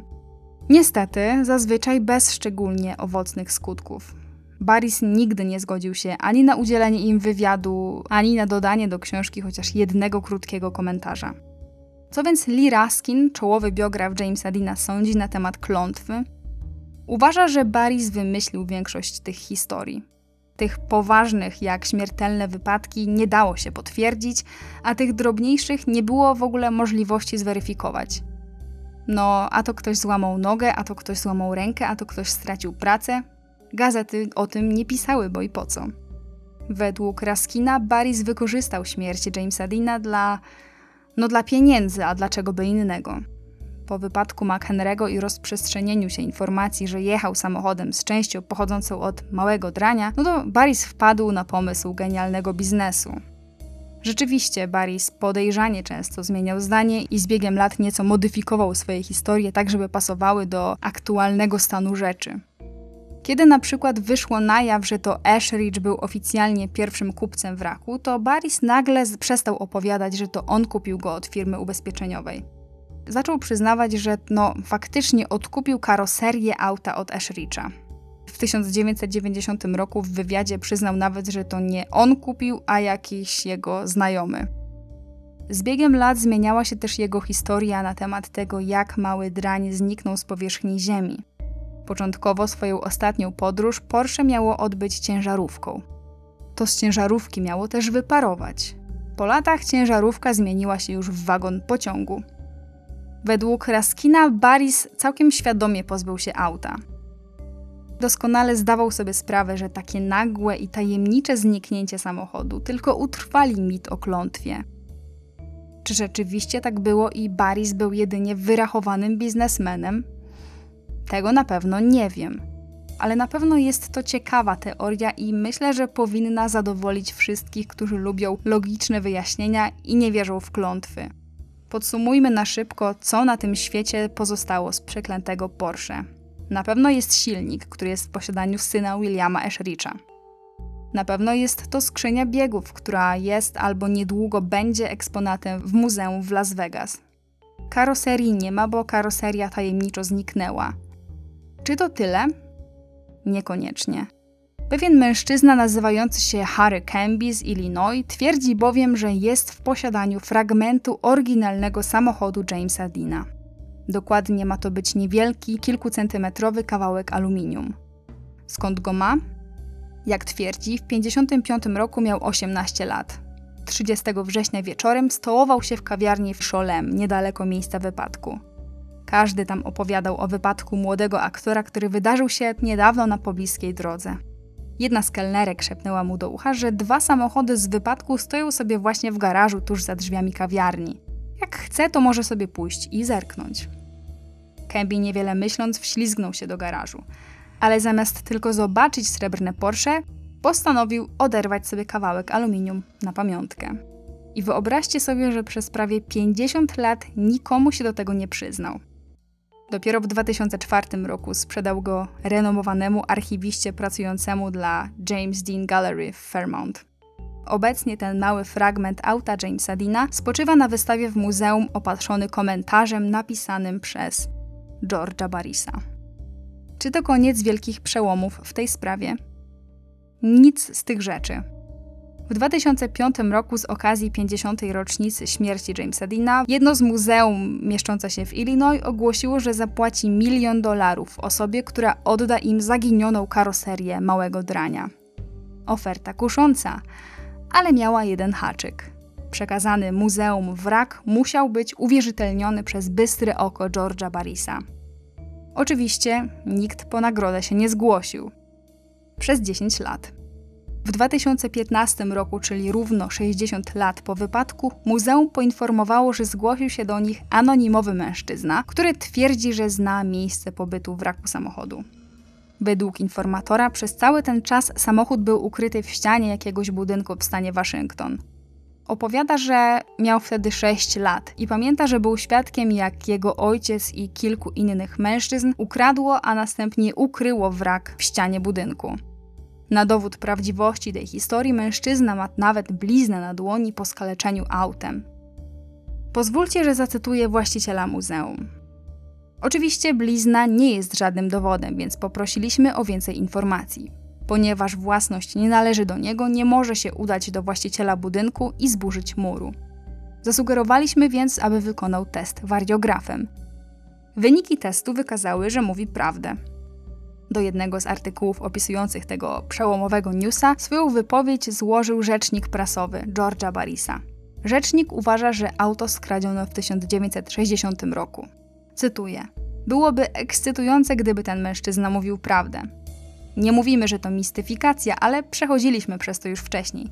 Każdego roku otrzymujemy telefony. Ludzie mówią: Znaleźliśmy samochód Dina na podwórku. No, w to akurat jestem w stanie uwierzyć. Czy więc ta historia tego mężczyzny jest prawdziwa? Tego niestety nie wiem. Nie znalazłam też żadnych świeższych informacji, na przykład czy ktoś próbował tę ścianę zburzyć, czy coś tam znaleziono. Internet milczy. Nie wiadomo nawet właściwie, co to była za ściana i gdzie dokładnie się znajduje. No dobrze, ale to była próba tego logicznego wyjaśnienia tajemnicy klątwy Porsche. Czy zatem istnieje wersja mniej, nazwijmy to, racjonalna, co więcej taka, która nie miałaby powiązania z oszustwami George'a Barrisa, no bo nie ukrywajmy, tak trzeba je właśnie chyba nazywać oszustwami. Tak. I ta historia jest na tyle fascynująca, że muszę poświęcić jej osobną i krótką chwilę.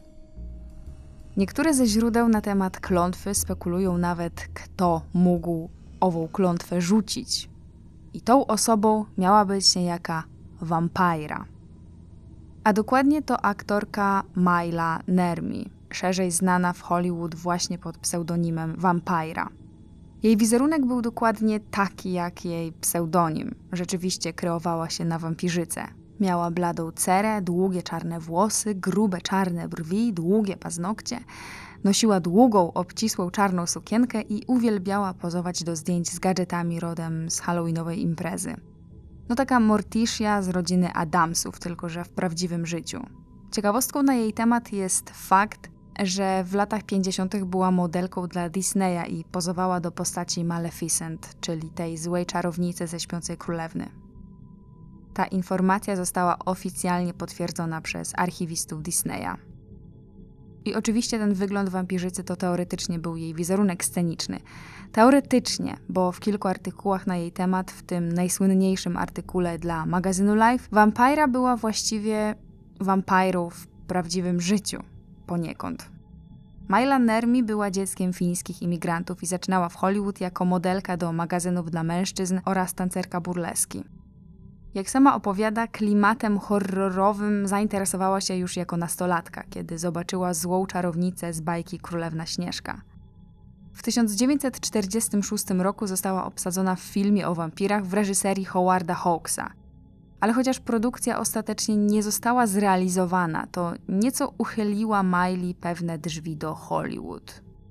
Przełom w jej karierze nastąpił podczas imprezy w roku 1953. Wprosiła się tam bowiem do jedynego z hollywoodzkich choreografów na bal halloweenowy. No bo w końcu jakie mogłoby być lepsze miejsce do zaprezentowania swojej mrocznej duszy niż właśnie impreza halloweenowa? To tam po raz pierwszy pokazała się publicznie w odsłonie seksownej wampirzycy, a pseudonim Vampira wymyślił jej własny mąż.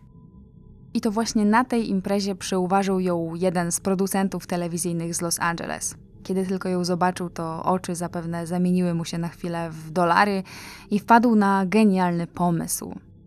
Zaproponował jej, żeby jakoś wykorzystać tę postać. I w ten oto sposób Vampira dostała własny program w klimacie horroru zatytułowany Dig Me Later Vampira. To było coś zupełnie nowego. W telewizji nigdy nie widziano czegokolwiek podobnego. Pierwszy odcinek jej horrorowego show został wyemitowany w 1954 roku i z miejsca stał się hitem, a ona z miejsca stała się celebrytką. No, nie ma się co dziwić, że szybko zainteresowali się nią fotografowie. Mroczna, dostojna i seksowna kobieta nazywająca siebie wampirą wzbudzała zainteresowanie i mediów, i czytelników. Już miesiąc później w swoim mrocznym anturażu pozowała dla magazynu Live. Właśnie mniej więcej w tym samym czasie Myla poznała Jamesa Dina. Według większości źródeł od razu się polubili, a po jego śmierci niektórzy będą szeptać nawet, że podobno James miał obsesję na jej punkcie. Pierwsza wzmianka o ich znajomości pojawiła się w magazynie plotkarskim Whispers z 1956 roku, czyli kilka miesięcy po tragicznym wypadku Jamesa. Artykuł zatytułowany był Czarna Madonna Jamesa Dina i zawierał liczne zdjęcia, np. jej domowego ołtarzyka Jamesa oraz zdjęcie oczywiście wraku srebrnego Porsche Spidera, tak żeby nadać całości pikanterii. Myślę, że ten artykuł można uznać śmiało za początki lawiny doniesień na temat powiązań Miley ze śmiercią Dina. Według tego artykułu James i Vampira poznali się na imprezie. On nie był jeszcze żadną wielką gwiazdą. Podczas krótkiej rozmowy okazało się, że mają ze sobą wiele wspólnego. Niektórzy znajomi Jamesa będą nawet po jego śmierci podnosić, że on miał mroczne poczucie humoru i sam interesował się nieco, powiedzmy, tą ciemniejszą stroną świata. Miał nawet taką spontaniczną sesję zdjęciową w domu pogrzebowym, w którym wskoczył do trumny. I tak, i te zdjęcia dosyć łatwo można znaleźć w internecie. To było dokładnie coś w stylu wampiry. Podobno dosyć szybko złapali kontakt i przez kilka dobrych miesięcy, o ile nie lat, szwendali się razem po nocnych klubach. Niektóre źródła podawały nawet, że byli kochankami, ale na to żadnego oficjalnego potwierdzenia nie mam. Tym bardziej, że kobieta wówczas miała męża i tym bardziej, że w jednym z wywiadów z lat 80. zapytana o to, co łączyło ją z Jamesem Deanem, powiedziała, że byli najlepszymi przyjaciółmi. I dokładnie w tym samym wywiadzie powiedziała też, że Dean pojawił się w jednym z odcinków jej show, przebrany za bibliotekarza ale czy to jest prawda, również nie wiem i materiałów z tego odcinka również nigdzie nie ma. Nie wiem, czy w ogóle istnieją. Podobno, kiedy James zachorował w czasie kręcenia buntownika bez powodu, Myla odwiedzała go na planie i przynosiła gorącą herbatę. Taka dobra, mroczna przyjaciółka. Ale na przynoszeniu herbatki dla chorego kolegi ta znajomość się oczywiście nie kończyła. Podobno Myla, czym zresztą sama się pochwaliła, miała w swojej łazience ołtarzyk Jamesa, na samym środku ołtarzyka umieściła jego zdjęcie z młodości. Po prawej stronie było zdjęcie jej samej we własnej osobie, oczywiście pod postacią wampiry, a po lewej stronie widniał wielki wydrukowany napis: Musisz się ponownie narodzić. Jeden z przyjaciół Miley będzie potem opowiadać, jak wyjaśniła mu kiedyś, że używa ołtarzyka do uprawiania czarnej magii przeciwko Jamesowi Deanowi. Zapytana o to, dlaczego to robi, odpowiedziała tylko lakonicznie: ponieważ jestem czarownicą. Mówiło się też, że miała w domu laleczkę voodoo reprezentującą Jamesa Deana. Ludzie spekulowali, że robi to wszystko dlatego, że zainteresował się inną kobietą. I rzeczywiście ten okres zbiegł się z czasem, kiedy aktor zaczął się spotykać z Ursulą Andres. A takiej zdrady Myla zdzierżyć ponoć nie mogła. Jeden z biografów Jamesa Deana pisze w swojej książce tak – Myla miała niekonwencjonalne przekonania duchowe i silną moc wyobraźni. Przy wielu okazjach wspominała, że zarówno Jimmy, jak i ona nie pochodzą z tej ziemi. Mówiła: Jimmy pochodzi z innej planety, tak samo jak ja. Wiesz, był małym księciem. Tutaj uwaga ode mnie, tak, to jest odniesienie do książki Mały Książę.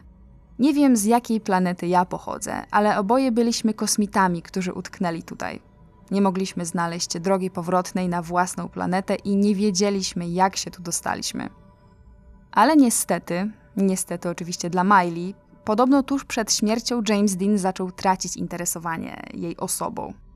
Czołowa felietonistka hollywoodzka Hedda Hopper w swoim pamiętniku z 1962 roku dosyć szczegółowo omówiła domniemaną relację Jamesa z Mylą, powołując się na rzekomą własną rozmowę z Deanem. I tutaj zacytuję jego rzekome słowa. Mam dość obszerną wiedzę o siłach satanistycznych i zaciekawiło mnie, czy ta dziewczyna rzeczywiście miała obsesję na tym punkcie. Spotkałem się z nią i zainicjowałem rozmowę. Nie wiedziała absolutnie nic. Używa swojej idiotycznej charakteryzacji jako pretekstu do najbardziej infantylnej ekspresji, jaką możesz sobie wyobrazić. Nie ma w niej żadnego prawdziwego zainteresowania tym tematem, może z wyjątkiem makijażu wampira. Nie chodzę z czarownicami a jeszcze mniej lubię randki z postaciami z kreskówek. No i to musiało ją zaboleć, jeszcze bardziej niż Ursula Andres. Chociaż to oświadczenie Hedy Hopper jest dosyć często kwestionowane, no to jakby nie było, jest kolejną cegiełką udowadniającą, że Myla miała za co odegrać się na Dinie. Czy więc rzeczywiście miała jakieś moce, żeby rzucić na niego klątwę? Według artykułu z gazety The Whisper na kilka dni poprzedzających śmierć Dina byli wspólnie na przyjęciu.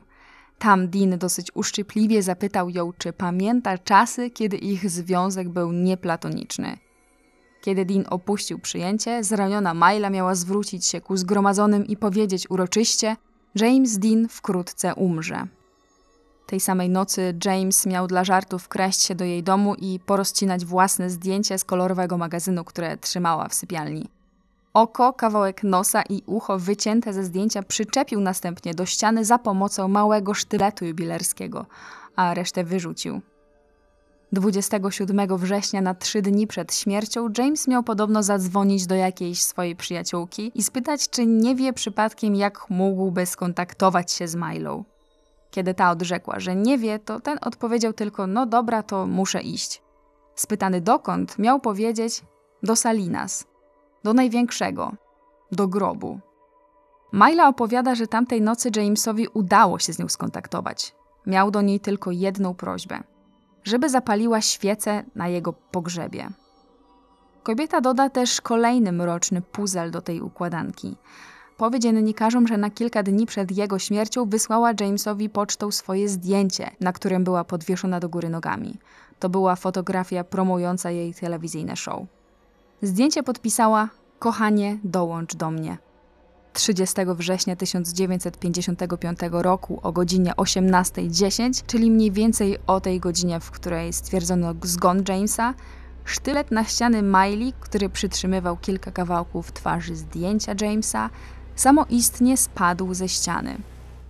Żeby tego było mało, w dniu pogrzebu jej kontrakt z telewizją został dziwnym trafem rozwiązany. Po śmierci Jamesa kobieta przekonywała, że jego duch wielokrotnie nawiedzał jej dom. Przedmioty same spadały, a koty miałczały w przypadkowe strony. Duch miał ją męczyć do tego stopnia, że przestała na jakiś czas spać we własnym domu. Jak sama twierdziła, wracała tym tylko po to, żeby nakarmić swoich siedem kotów. Pewnego razu postanowiła jednak z nim porozmawiać. Jak opowiada, zapytała głośno: Czy to prawda, Jimmy, że cierpisz? I w tym samym momencie w radiu rozległy się słowa piosenki, tłumacząc teraz na polski: Wykop mi dół i zakop głęboko, a będę spoczywał w spokoju. O samym dniu jego śmierci napisała tak: Byłam oszołomiona i nie dowierzałam. Tyle, że jest jeszcze jeden dziwny element. Jimmy wielokrotnie powtarzał wszystkim, że za chwilę umrze i złamie szyję. Był bardzo, bardzo intensywnie żywą istotą, ale fakt jest taki, że on mówił nam, że umrze. W dokumencie na jej temat zatytułowanym Vampira i ja z 2010 roku Myla znów opowiedziała o swojej wierze w tę głęboką więź z Dinem. Powiedziała, że uważa, że poznali się w poprzednim życiu i przy pierwszym spotkaniu rozpoznali siebie nawzajem. Rok po śmierci Dina kobieta pojawiła się na balu halloweenowym w kostiumie wiedźmy i blond peruce. Jej towarzyszem był ich wspólny znajomy, który przebrał się z kolei za Jamesa Dina z zabandażowaną twarzą. Tylko czy ta historia mogła wydarzyć się naprawdę? Bez dwóch zdań James i Myla się znali, to wiemy na pewno. Dosłownie kilka dni temu na kanale youtubera Scotta Michaelsa, podlinkuję link w opisie, pojawił się wywiad z kuzynem Jamesa. Opowiada tam, że Myla odwiedziła ich rodzinę Fairmount kilka miesięcy po jego śmierci. Ten kuzyn uważa, że naprawdę się ze sobą przyjaźnili. Z drugiej strony, zakładając, że ta jego rozmowa z Hedą Hopper jest prawdziwa, to relacja Miley i Jamesa nie mogła wyglądać do końca tak, jak opisywała ją potem kobieta. Właściwie to James Dean nie był jedynym celebrytą, o którym opowiadała, że łączyły ją jakieś bliskie relacje. Mówiła, że na jej punkcie miał obsesję Marlon Brando, a z Orsonem Wellesem miała nawet dziecko, ale oddała je do adopcji. Nawet pomimo prób podkręcania skandali na swój temat, to kariera Miley po śmierci Dina osłabła. Zaraz po pojawieniu się pierwszych doniesień na temat ich dziwnej relacji, telewizja z miejsca anulowała jej program. Chyba nawet dla Hollywood, powiązana z jakimiś satanistycznymi obrzędami wiedźma, która rzuciła na człowieka klątwę, to było już za dużo. Tak czy inaczej, nadal są ludzie wierzący, że tak właśnie było że zazdrosna i odrzucona Myla rzuciła na Dina, być może nawet całkiem przypadkowo i całkiem nieświadomie, pewnego rodzaju klątwę. A wy co myślicie? Donald Ternapseed zmarł w wieku 63 lat na raka płuc. W swoim życiu udzielił tylko jednego, jedynego wywiadu na ten temat. Rolf Wuterisch, który siedział na fotelu pasażera Jamesa Dina, również udzielił wyłącznie jednego wywiadu – była to rozmowa z magazynem Porsche w 1960 roku. Co działo się z nim potem? Istnieją dwie wersje historii późniejszego życia Wuterisia. Jedna z nich jest stałym elementem opowieści o klątwie. Według niej na skutek wypadku Wuteriś cierpiał na poważne problemy psychiczne. Podobno miał napady depresji, skłonności samobójcze, a potem uzależnił się od alkoholu. Fani Jamesa Dina latami obwiniali go o śmierć aktora i wysyłali mu listy z pogróżkami. Miał cztery żony, a ostatnie małżeństwo zakończyło się tragicznie. W 66 roku dźgnął swoją żonę w trakcie snu nożem kuchennym. Został uznany za winnego zabójstwa i trafił do więzienia, ale stamtąd przeniesiono go do zakładu psychiatrycznego. Wiele źródeł potwierdza te informacje i taka też informacja znajduje się na Wikipedii, ale czy ta historia naprawdę miała miejsce?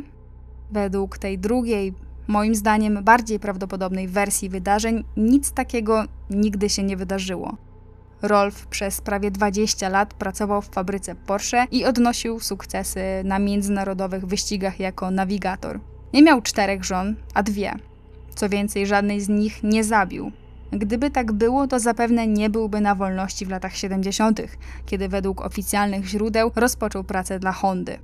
W lipcu 1981 roku podpisał kontrakt na występ w programie telewizyjnym o śmierci Jamesa Deana. Niestety, jeszcze w tym samym miesiącu, prowadząc samochód pod wpływem alkoholu, miał wypadek i zginął na miejscu.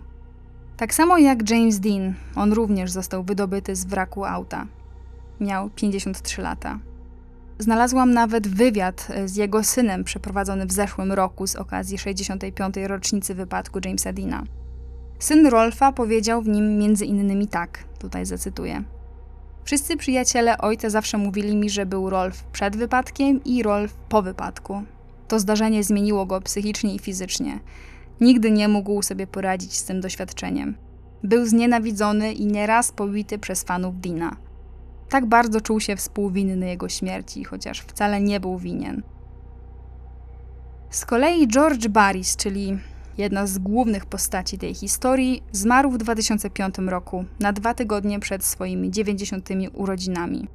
Poza głębokim zaangażowaniem w sprawę Jamesa Deana, jego życie nie było wcale wolne od innych kontrowersji. Był na przykład zamieszany w aferę wokół trzeciej części filmu Powrót do przyszłości, ponad 10 lat po premierze Powrotu do przyszłości 3, jeden z samochodów kaskaderskich DeLorean używanych w filmie wysłano do renowacji u Barisa, żeby stamtąd mogło trafić do muzeum w Los Angeles. I tak też się stało. Baris odnowił samochód i na tym wspólne biznesy z wytwórnią teoretycznie powinny się zakończyć. Powinny. Auto najwyraźniej tak przypadło do gustu Barisowi, że kupił innego DeLoreana i przekształcił go w replikę tego latającego DeLoreana z filmu.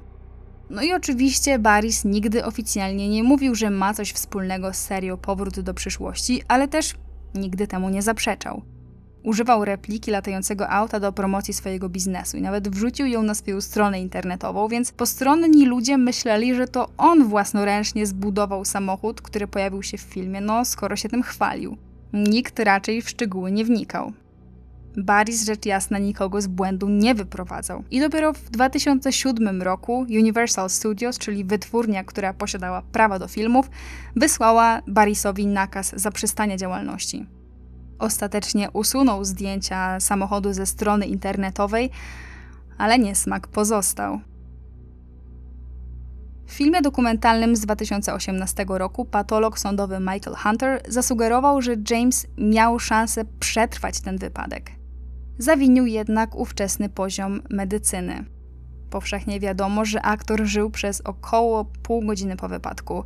Miał złamany kręgosłup, podstawę czaszki, obie ręce, szczękę, odniósł liczne obrażenia wewnętrzne, a w jego twarzy tkwiły setki odłamków szkła. Ale żył.